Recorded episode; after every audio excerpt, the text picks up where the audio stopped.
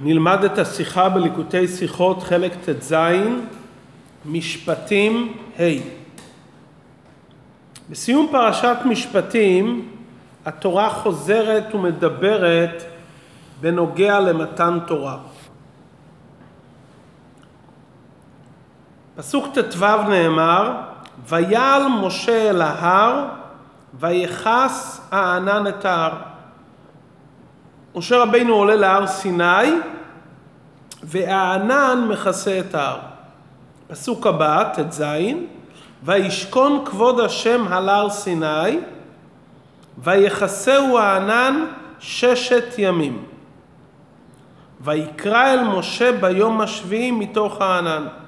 כבוד השם נמצא על הר סיני, הענן מכסה את ההר ששת ימים, ביום השביעי הקדוש ברוך הוא קורא למשה מתוך הענן.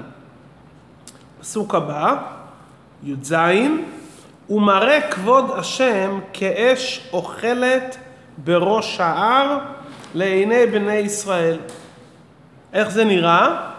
ההר סיני נראה כמו אש שאוכלת בראש ההר.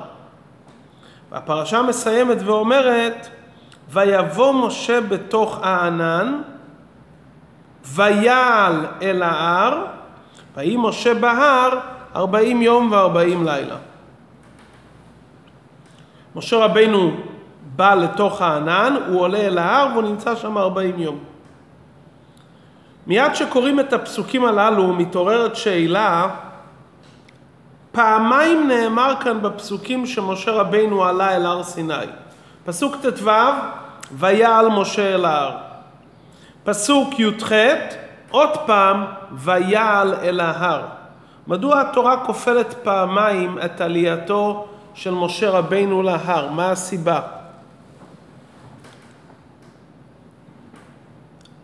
בטעם הדבר, הרי יש ברש"י, מדברי חכמינו, שני פירושים על איזה ששת ימים התורה מדברת ויחסהו הענן ששת ימים.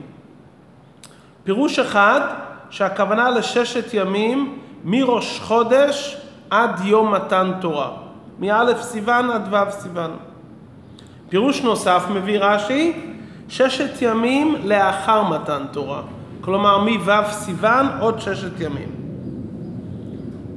לפי הפירוש הראשון, שששת הימים שהענן כיסה את ההר זה מראש חודש עד מתן תורה, ואז משה רבינו עלה להר ביום מתן תורה כדי לקבל את הלוחות, זה שהתורה חוזרת פעם נוספת ואומרת ויעל אל ההר, מכיוון שהפסוק הפסיק עם המאורעות שהיו לפני מתן תורה, שמה?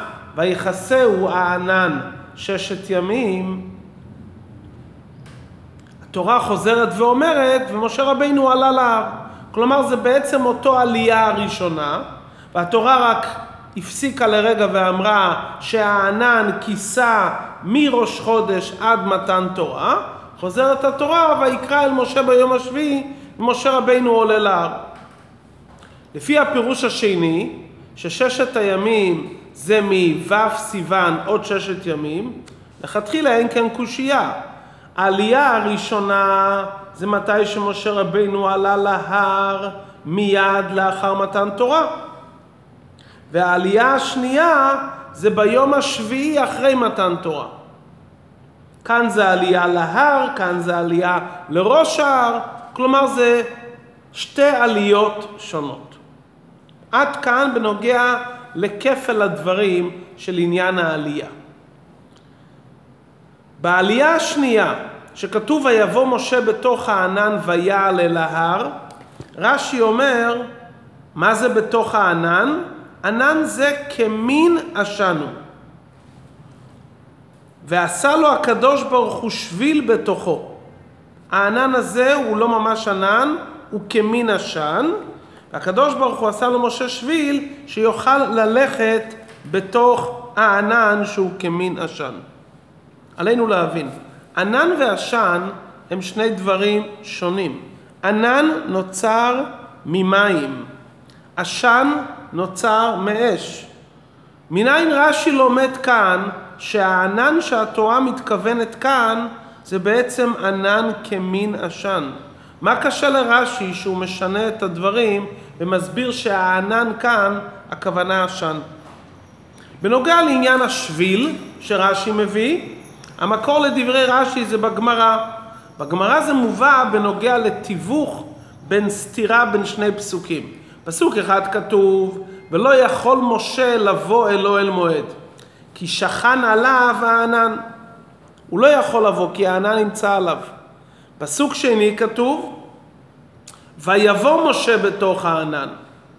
אומרת הגמרא, כמו שכתוב ויבואו בני ישראל בתוך הים בקריאת ים סוף היה שביל, גם למשה רבינו היה שביל. המים להם חומה והיה שביל. זה מה שהגמרא מיישבת, מדוע זקוקים לעניין השביל. כדי ליישב את סתירת הפסוקים, האם משה יכול להיכנס לאוהל מועד בגלל הענן, או שהוא לא יכול. אבל רש"י כאן לא בא ליישב את הסתירה. כי הסתירה הזאת מתעוררת רק בפסוק מאוחר. איפה הפסוק שלא יכול משה להיכנס? זה בפרשת פקודי. עוד לא הגענו לזה. הכרחי לומר שרש"י צריך להסביר את העניין של השביל לא בגלל שכתוב בסוף פרשת פקודי ולא יכול משה, עוד לא למדנו את זה, אלא כאן יש לרש"י איזה שאלה והוא מיישב את השאלה באמצעות העניין שמשה רבינו נכנס דרך שביל. השאלה מתחזקת יותר בפרשת יתרו, כתוב ומשה ניגש אל הערפל. מה זה ערפל? רש"י אומר לפנים משלוש מחיצות, חושך, ענן וערפל.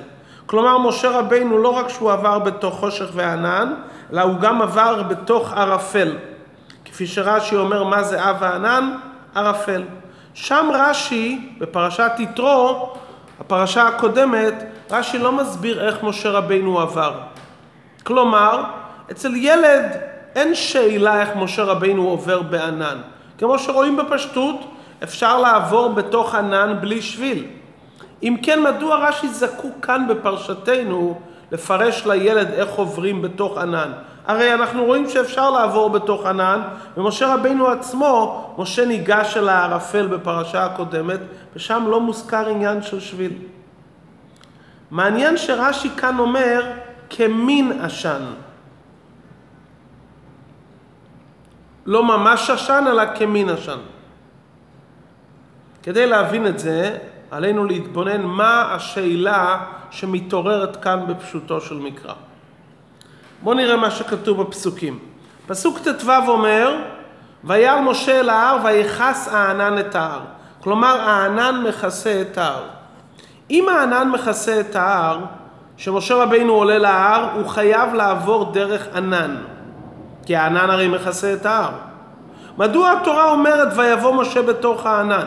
אנחנו כבר יודעים שהענן הרי מכסה את ההר. אז מדוע התורה צריכה לפרט ולומר בפירוש ויבוא משה בתוך הענן, שאנחנו מבינים שהענן הרי כיסה את ההר, ואם הוא עלה אל ההר, ודאי שהוא היה צריך לעבור דרך הענן. זה מה שהיה קשה לרש"י. זה מיותר לומר את זה. מזה מבין רש"י שהמילים בתוך הענן פעם שנייה זה לא הענן הקודם. קודם יש ענן אחד שכיסה את ההר, ואם זה אותו ענן, התורה לא הייתה חוזרת לומר פעם שנייה, ויבוא משה בתוך הענן. מזה שהתורה חוזרת, אחרי שהענן כיסה את ההר, עוד פעם, ויבוא משה בתוך הענן, אומר רש"י, זה סוג ענן חדש. זה לא הענן שכיסה את ההר, זה עוד ענן. הענן שמוזכר בתחילת העניין, הענן שמוזכר בפרשיות הקודמות, זה באמת ענן כפשוטו, שבו שכן כבוד השם, כפי שלמדנו בפרשת בשלח, והשם הולך לפניהם יומם בתוך עמוד ענן, ענן כפשוטו. הענן המדובר בסיום פרשתנו, בתוך הענן, זה סוג ענן אחר, ואיזה ענן זה? ענן כמין עשן. מהיכן ההכרח של רש"י שהענן הזה הוא כמין עשן? הבנו שהוא סוג ענן שונה, כי מזה שהתורה כופלת ואומרת פעם נוספת בתוך הענן, אז זה לא הענן שדובר עליו לעיל. אבל מהיכן רש"י לומד שהענן הזה כמין עשן? רש"י סומך את דבריו על הפסוק שכתוב לפני זה. פסוק י"ז נאמר, ומראה כבוד השם כאש אוכלת בראש ההר לעיני בני ישראל. הפסוק הזה מובא בין הפסוק ויבוא משה בתוך הענן לפסוקים לפני זה וישכון כבוד השם על הר סיני. היכן היה צריך להיות כתוב העניין של מראה כבוד השם? שהתורה אומרת וישכון כבוד השם על הר סיני, התורה הייתה צריכה לתאר ולומר ואיך נראה כבוד השם? כאש אוכלת בראש ההר. אבל איך זה כתוב בתורה? וישכון כבוד השם על הר סיני ויחסהו הענן ויקרא אל משה ביום השביעי מתוך הענן. וההמשך הוא מראה כבוד השם כאש אוכלת. קודם היה צריך להיות תיאור איך נראה כבוד השם ולאחר מכן היה צריך להיות כתוב ויקרא אל משה ביום השביעי. לפיכך רש"י מסיק שהפסוק הוא מראה כבוד השם לפני הפסוק האחרון ויבוא משה בתוך הענן זה בא לרמז שנבין את ההבדל בין הענן שכיסה את ההר לענן שמשה רבנו נכנס לתוכו. הענן שכיסה את ההר היה ענן רגיל, ענן רגיל שעשוי ממים. הענן שמשה רבנו נכנס לתוכו, שעליו נאמר ויבוא משה בתוך הענן, הענן זה זה תוצאה של האש האוכלת שהתורה מתארת איך זה נראה, הוא מראה כבוד השם. ולכן מהענן הזה זה כמין עשן. זה בא מאש אוכלת שמוזכרת בפסוק הקודם. מה זה כאש אוכלת? עשן לא נוצר מאש. עשן נוצר מכיליון של דבר שנשרף. אש לכשעצמה לא, לא מייצרת עשן. שהאש אוכלת דבר של עצים וכדומה, מזה יוצא עניין של עשן. באופן כללי האש שלמעלה היא לא אוכלת, כפי שלמדנו בנוגע לסנה, וירא בלבת אש והסנה איננו קל. כאן התורה אומרת איזה חידוש, שהאש שנראה כבוד השם בראש ההר, זה הייתה כמין אש אוכלת. אומר רש"י, זה חייב להיות כמין עשן. כי בהר סיני במדבר זה מקום שלא צומחים דשאים ואילנות. בוודאי לא בראש ההר, ששם היה אש אוכלת. אז איך נהיה כאן עשן? הרי עשן מתהווה מכיליון ושריפה של אבנים ועפר. בוודאי שהעשן שנובע משריפת צומח של עצים ודשאים הוא שונה לעשן שנוצר מאבנים ועפר. אומר רש"י, כאן זה רק כמין עשן. ויבוא משה בתוך הענן, רש"י לא מזכיר עשן, התורה לא מזכירה עשן. היא אומרת, ויבוא משה בתוך הענן, כי העשן כאן לא, לא היה עשן טבעי. כי בהר סיני לא היו כאן דשאים, לא היו צמחים. ומכיוון שלא היו דשאים וצמחים, העשן שנוצר הוא לא היה עשן רגיל. לכן זה רק כמין עשן ולא עשן ממש. עכשיו מובן מדוע הקדוש ברוך הוא עשה למשה שביל בתוך הענן. כי עשן משחיר. לא ייתכן שמשה רבינו, שעולה לקחת את הלוחות מהקדוש ברוך הוא, יבוא לקדוש ברוך הוא עם בגדים שחורים מפיח. הוא בא לקבל את התורה. אומר רש"י, הקדוש ברוך הוא עשה למשה רבינו שביל בתוכו, משה רבינו עבר בשביל והעשן לא נגע בו. כלומר, מצד אחד יש כאן אש אוכלת, אז זה היה אש כפשוטו. ומשה רבינו עובר בתוך האש לקבל, הוא לא משחיר כי הוא עובר בתוך שביל עשן.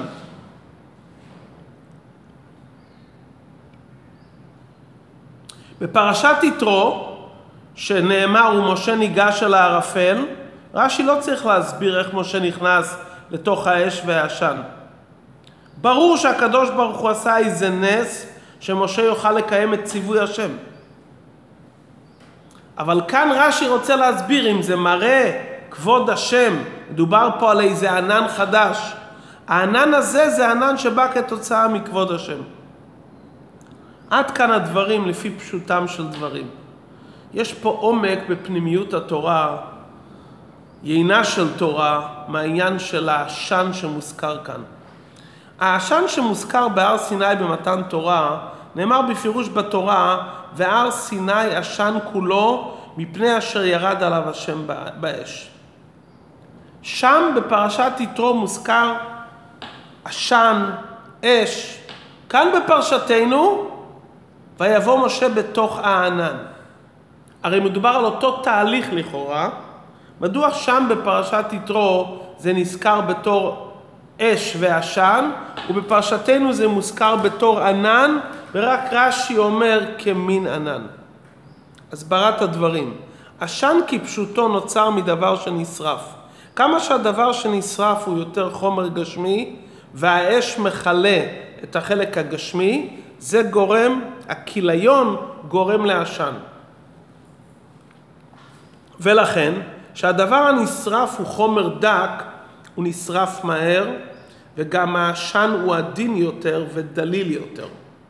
שהדבר הנשרף הוא חומר גס, גם העשן שיוצא ממנו הוא סמיך ועב יותר. כלומר, בעשן של כל דבר ניכר עד כמה החומר הוא גס. רואים איזה סוג עשן יוצא. מה כל המטרה של מתן תורה?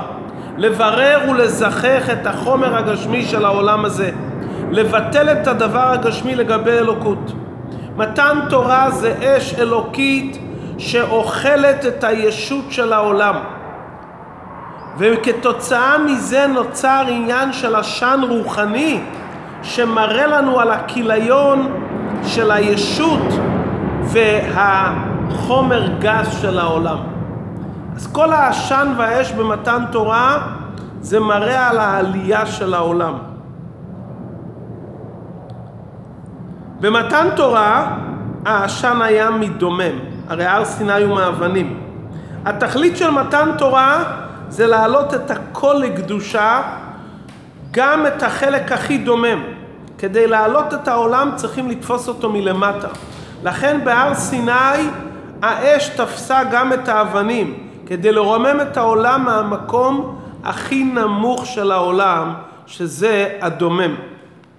כשרוצים להגביה משהו, צריך להגביה מלמטה. ההבדל בין פרשת יתרו לפרשתנו, פרשת יתרו מדברת על הזמן של מתן תורה. במתן תורה גילוי האלוקות היה בדרך מלמעלה למטה. הקדוש ברוך הוא ירד עליו באש. העולם הגשמי לא היה מזוכח. אז איך נגרם הזיכוך? באופן של מלמעלה. כלומר, האור האלוקי התגלה וגרם ביטול וכיליון לעולם, ואז כולם ראו שהר סיני ישן כולו. זאת אומרת, העשן הגדול שהיה בהר סיני, זה מראה שההר לא היה מזוכח. כשההר לא מזוכח, אז יוצא הרבה עשן כתוצאה מהאש. הריבוי והגודל של העשן מורה שהחומריות של העולם לא היה זך ודק ומזוכח. כפי שכתוב בפסוק, מפני אשר ירד עליו השם באש. כלומר, העשן שנעשה מהאש עצמו ולא מהכיליון של דבר שנשרף. בפרשת יתרו לא כתוב אש אוכלת, כתוב אש, כי העולם היה מאוד גס והוא לא נתן לאש להתאפס בו. העולם היה כזה גס שהוא לא היה ראוי להישרף ולהתקלות על ידי האש. ולכן העשן לא שייך כל כך לכיליון של ההר, כי ההר עדיין היה במצב שהוא סתירה ומנגד לגילוי האור האלוקי שהגיע מלמעלה. בפרשתנו, שכבר מדובר לאחר מתן תורה, שהעולם מזדחך, העולם כבר התבטל, כבר העולם לא היה כל כך בגסות כמו שהיה בעת מתן תורה. כאן הפסוק אומר, הוא מראה כבוד השם כאש אוכלת. כי העולם נעשה יותר דק, יותר ראוי, שהעולם ייאכל ויישרף על ידי האש שמלמעלה. ויותר מזה, זה לא היה ממש עשן, אלא לרוב דקותו הוא לא נקרא בשם עשן. איך התורה קוראת לו? בשם ענן. ויבוא משה בתוך הענן. כלומר, הענן לא מורה על כיליון ועלייה, אלא הענן מראה על משהו יותר עדין. זה מה שרש"י אומר, כמין עשן הוא. כלומר, יש הבדל ברגע שיש גילוי אלוקות מלמעלה, ואז העולם לא כלי, אז יוצא הרבה עשן, כי העולם לא תופס את האור האלוקי. ויש העולם כבר הזדחך אחרי מתן תורה, אז זה נקרא כבר ענן, זה לא נקרא עניין של עשן. רש"י אומר כמין עשן. מה הכוונה כמין עשן?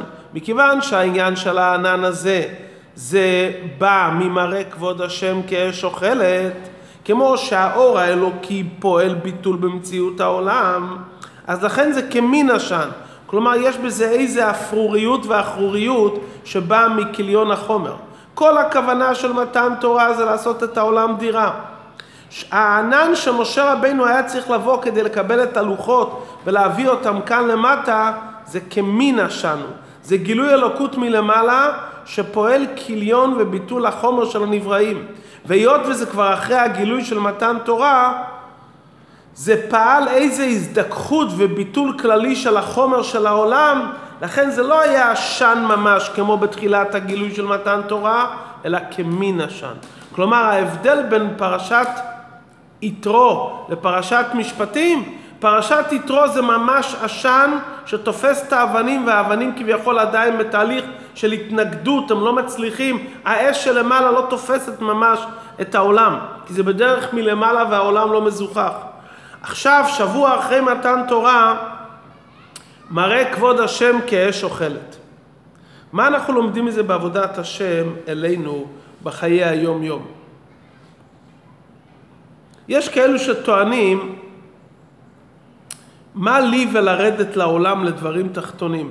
אם אני צריך כבר לרדת מהמדרגה שלי, אני ארד להתעסק עם אנשים יותר נמוכים קצת, אני ארד לדרגת חי או לדרגת צומח, אבל אני לא אתעסק עם דברים שהם דוממים לחלוטין.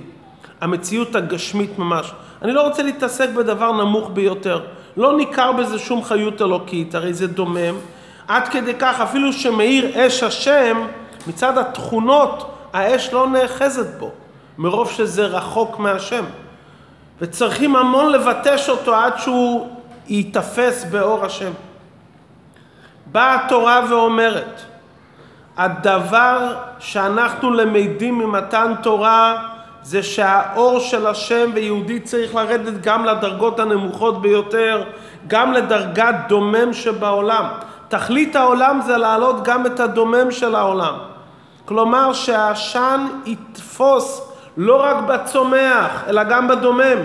אם אתה פוגש יהודי שהוא כביכול בבחינת דומם, או דומם כפשוטו, עליך לרומם ולגרום שהאש של הקדושה תתאפס ותאכל ותאחז לא רק בחי ולא רק בצומח, אלא גם בדומם. יבוא בן אדם ויאמר, טוב, אבל המתאבק עם המנוול מתנבל, זה יגרום לי לעשן, אני, זה יגרום לי לזיהום. איך אני יכול לרדת כל כך נמוך למקום שהוא דומם וייצא כל כך הרבה עשן? אני אתלכלך מבחינה רוחנית. אני לא רוצה להתעסק בזה. אומר לו רש"י, עשה לו הקדוש ברוך הוא למשה שביל בתוכו. לכל יהודי יש משה בנשמה. והדרגה הזאת היא לא תזדהם ולא תתלכלך אף פעם, היא תמיד תישאר נקייה. כי היא צועדת בשביל. מה זה השביל של הנשמה? שהיא תמיד דבוקה בהשם והיא תמיד באומנה איתו יתברך. ובפנימיות יותר, גם הכוחות הגלויים, לא רק הנשמה לא תתלכלך. גם הכוחות הגלויים שלי גם לא יתלכלכו בעשן. כי זה בעצם לא עשן, אלא כפי שרש"י אומר, כמין עשן. כל העלמות וההסתרים שהעולם מראה לנו זה רק כמין מציאות. למה הקדוש ברוך הוא עשה את זה? אך ורק לצורך הבחירה החופשית. כדי שלאדם יהיה בחירה וזה לא יהיה נמא דכיסופא, שיהיה עבודת האדם, אבל כל ההיעלם הזה לצורך קדושה. זאת אומרת, בעצם זה ענן של קדושה. הוא נראה בחיצוניות כעשן, כדבר חומרי, שגם אחרי הכיליון שלו נשאר עדיין איזה אפרורית. אבל זה רק נראה בחיצוניות. בפנימיותו הוא ענן של קדושה, כי כל המטרה שלו זה להביא לתוספת אור של קדושה. וזה ההוראה. ויבוא משה בתוך הענן, יהודי, בכוח משה רבינו שבתוכך, בכוח ההתקשרות למשה רבינו, אתה מקבל את התורה, ואחרי שאתה מכין את עצמך, ויבוא משה בתוך הענן, ויש לך שביל. והשביל הזה הוא שביל שעוזר לך להיכנס, וזה גם רק, הכניסה הזאת לתוך הענן, זה רק כלפי חוץ, ורק באופן זמני. סוף כל סוף על ידי זה תקבל את התורה כמו שמשה רבנו קיבל את התורה 40 יום ו-40 לילה. ואחר כך אתה תמשיך את מה שקיבלת להביא את זה גם לגוף שלך וגם לחלק שלך בעולם שזה הרי המשך הפרשיות אחרי מתן תורה אחרי יתרו ומשפטים אנחנו לומדים ועשו לי מקדש ושכנתי בתוכם. לקחת את הדברים הגשמיים את הזהב והכסף לעשות מזה מקדש לקדוש ברוך הוא ולבצע את הכוונה של נתבע הקדוש ברוך הוא להיות לו יתברך דירה בתחתונים.